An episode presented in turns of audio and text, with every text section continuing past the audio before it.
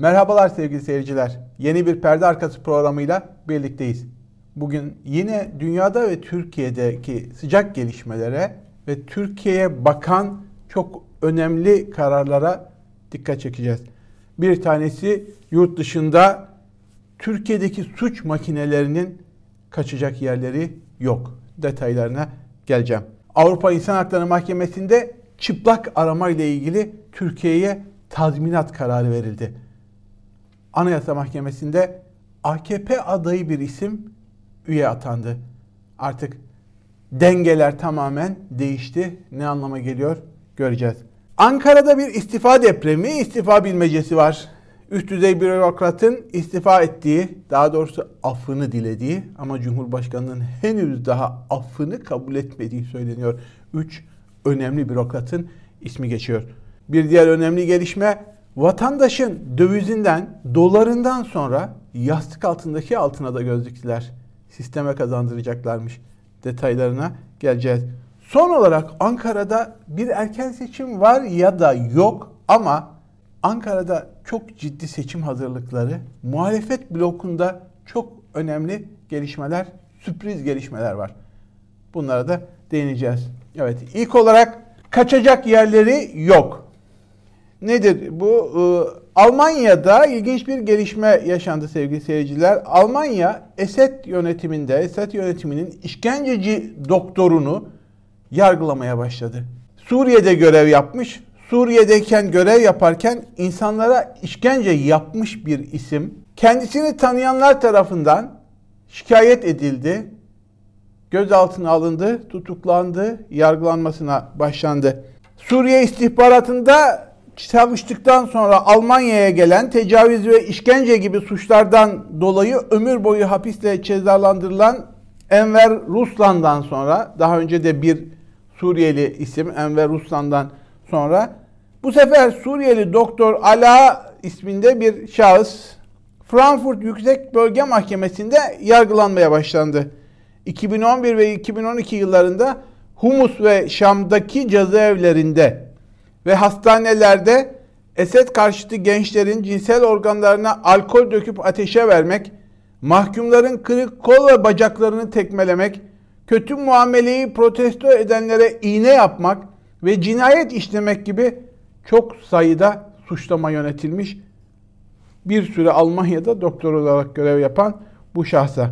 Şimdi yeni bir gelişme gibi duruyor ama aslında Avrupa'da ve Amerika'da Magnitsky Act diye Magnitsky kararı diye bir karar alındı. Bu Rusya'da ölen bir avukatın üstüne geliştirilmiş bir karar. Bu karar hem ABD'de onaylandı, hem İngiltere'de onaylandı, hem de Avrupa Birliği ülkelerinde onaylandı. İnsanlığa karşı işlenen suçlarda zaman aşımı yok, artık mekan da yok. Herhangi bir ülkede, herhangi batılı ülkede eğer işkence yaptığınız, yolsuzluk yaptığınız, rüşvet verdiğiniz kamu kurumlarınca aldığınız tespit edilmişse buna dair somut delillerle şikayette bulunuluyorsa insanlığa karşı suçlar kapsamına alınıyor ve o şahıs hakkında işlem yapılıyor. Mal varlıklarının dondurulmasından ülkeye girişlerinin yasaklanmasına ya da ülkeye girmişlerse işte Almanya örneğinde olduğu gibi gözaltına alınmak, yargılanmak, ömür boyu hapse çarptırılmak dahil. Diktatör rejimlerin, otoriter rejimlerin kirli maşalarının, suç makinelerinin artık kaçacak yerleri yok. Bu Türkiye içinde geçerli.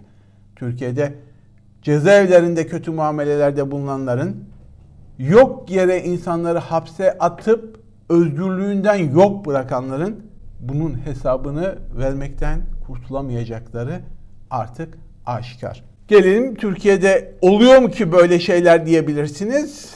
AHİM'in aldığı karar Avrupa İnsan Hakları Mahkemesi Türkiye'de işkence kapsamında kabul etti çıplak aramayı. Zorla yapılmış bir çıplak arama Anayasa Mahkememizce cezalandırılmazken ahim tarafından tazminata mahkum edildi ve o parayı Türkiye mağdura ödeyecek. Çıplak arama yaygın bir işkence metodu olarak uygulanıyordu. Hatta bazen ziyaretçilere çıplak arama yapıldığı, zorla çıplamak, çıplak arama yapıldığı ortaya çıkmıştı.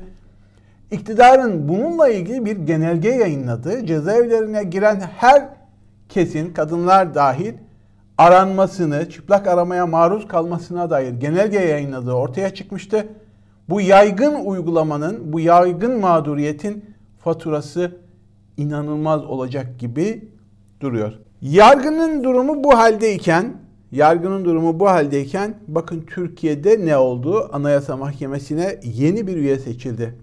15. üye. Anayasa Mahkemesi üyeliğine Çorum Barolar Baro Başkanı Kenan Yaşar seçildi.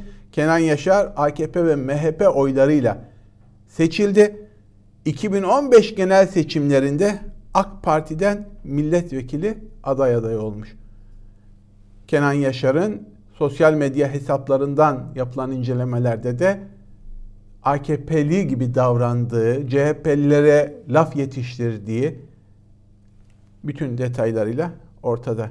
Şimdi Anayasa Mahkemesi'nin 15 üyesi var.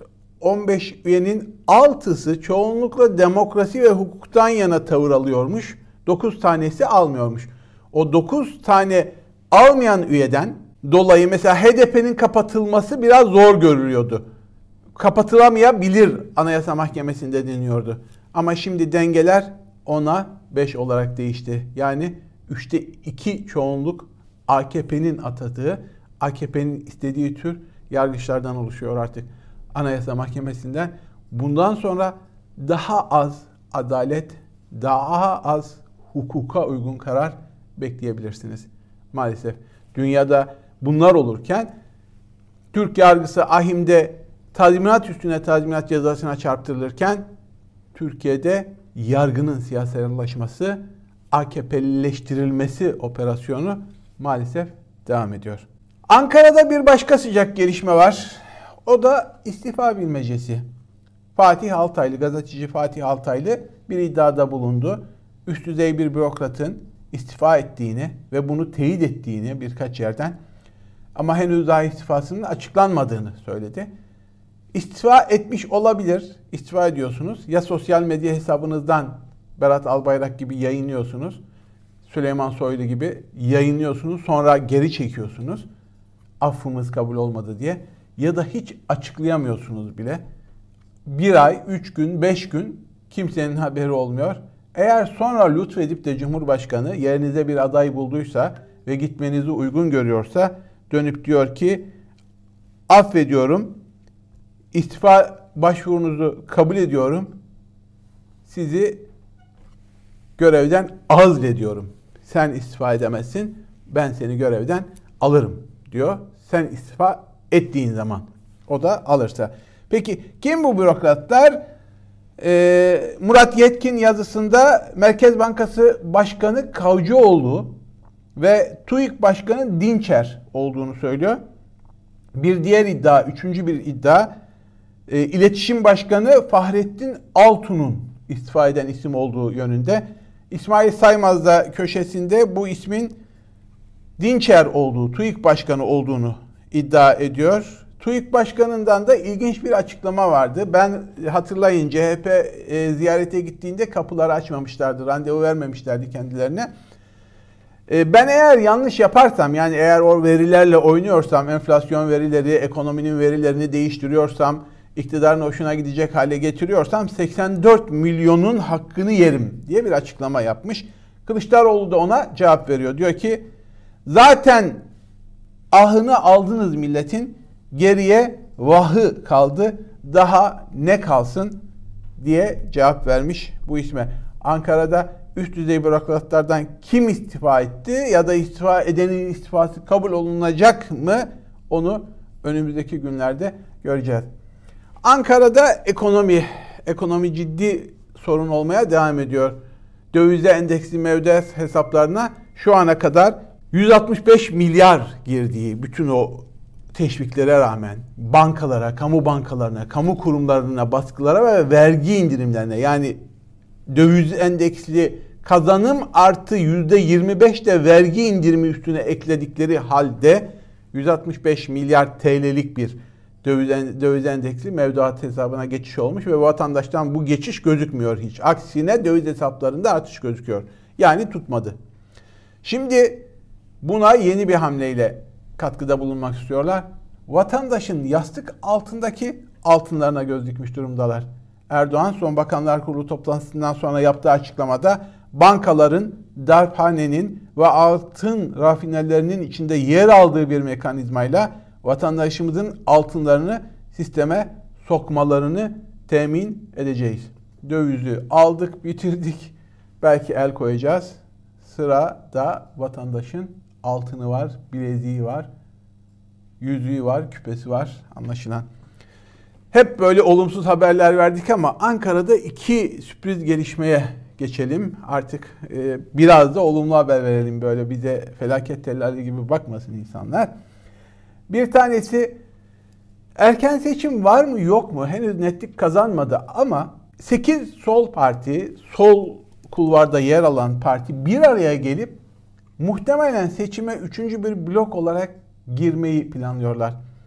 Üçüncü blok inanılmaz rahatlatıcı bir etken olacaktır siyaset adına. Neden? E, CHP, İyi Parti, e, işte e, diğer sağ parti, merkez partilerin HDP ile ittifakını iktidar sürekli olarak yıpratıcı bir unsur gibi lanse edip, terör örgütüyle işbirliği gibi lanse edip e, oy kaybettirmeye, vatandaşı şartlandırmaya çalışıyordu.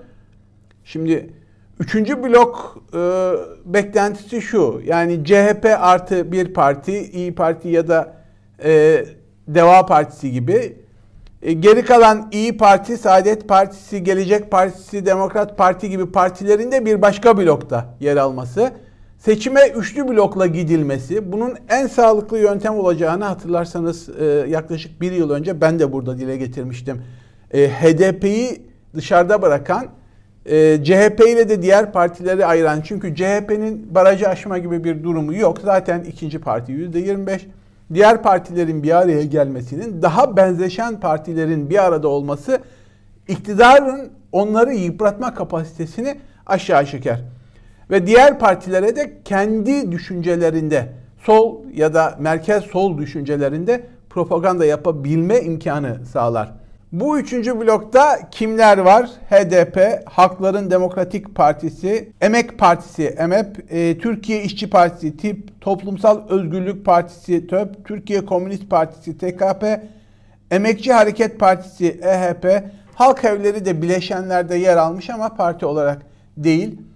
E, sol parti bu bloğa şu an girmedi gözüküyor. Ama bu bloğun da tek başına HDP'nin zaten %9'a ona varan bir oyu var. Artık bloğu aşması kendi başına %10 bile baraj olsa üçüncü bir ittifakında bloku aşmasında sorun gözükmüyor ve daha rahat hareket etmelerine imkan sağlayacaktır diye düşünüyorum. Ankara'daki tek gelişme bu değil. Seçim yaklaşıyor mu? Seçim hazırlığı. Muhalefet bugüne kadar hiç doğru dürüst hazırlık yapmadı eleştiriler vardı.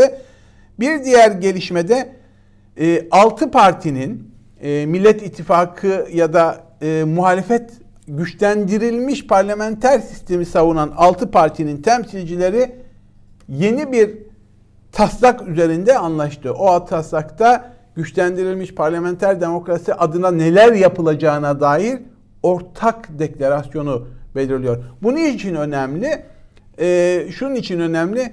Tek aday girdiğinde bu aday ister CHP'li olsun, isterse parti herhangi bir parti üyesi olmasın o adayı desteklemenin şartı olarak o partilerin altında birleştikleri anayasal değişimler, yeni sistemin kodları. Bu konuda anlaşmışlar ama henüz açıklanmadı. Açıklanması için son olarak liderlere sunulacakmış. İlginç bir şey daha. Bu altı partinin temsilcileri şimdi de seçim güvenliğinin belirlenmesi ve seçim güvenliği adına alınacak tedbirleri konuşmak için bir araya geleceklermiş.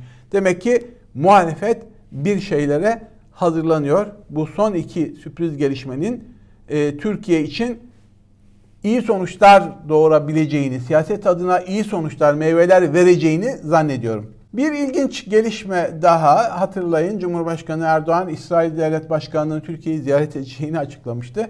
o eski güneydeki ülke terör devleti tanımlamalarından koptular. O Marmara e, vesaire krizleri bir tarafta kaldı.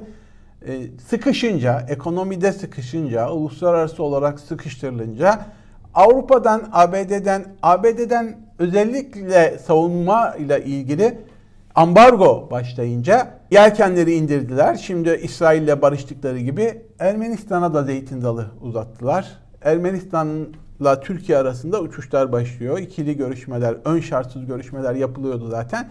Hoş her ikisinin de Türkiye için iyi olduğunu düşünüyorum.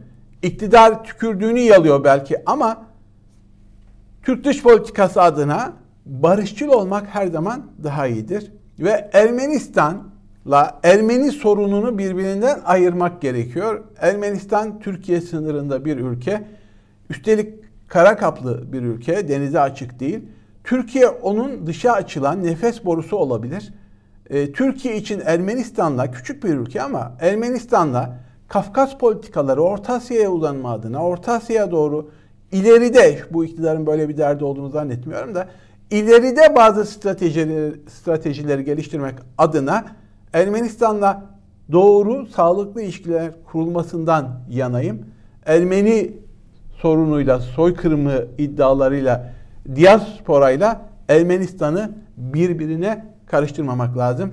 Azerbaycan'la da barışı sağladıktan sonra Türkiye için doğru bir siyasi hamle, dış politika hamlesi tabi uygulayabilirlerse. Bugünkü yayınımızı burada sonlandırıyoruz. Bir dahaki perde arkası programında buluşmak dileğiyle. Hoşçakalın diyorum.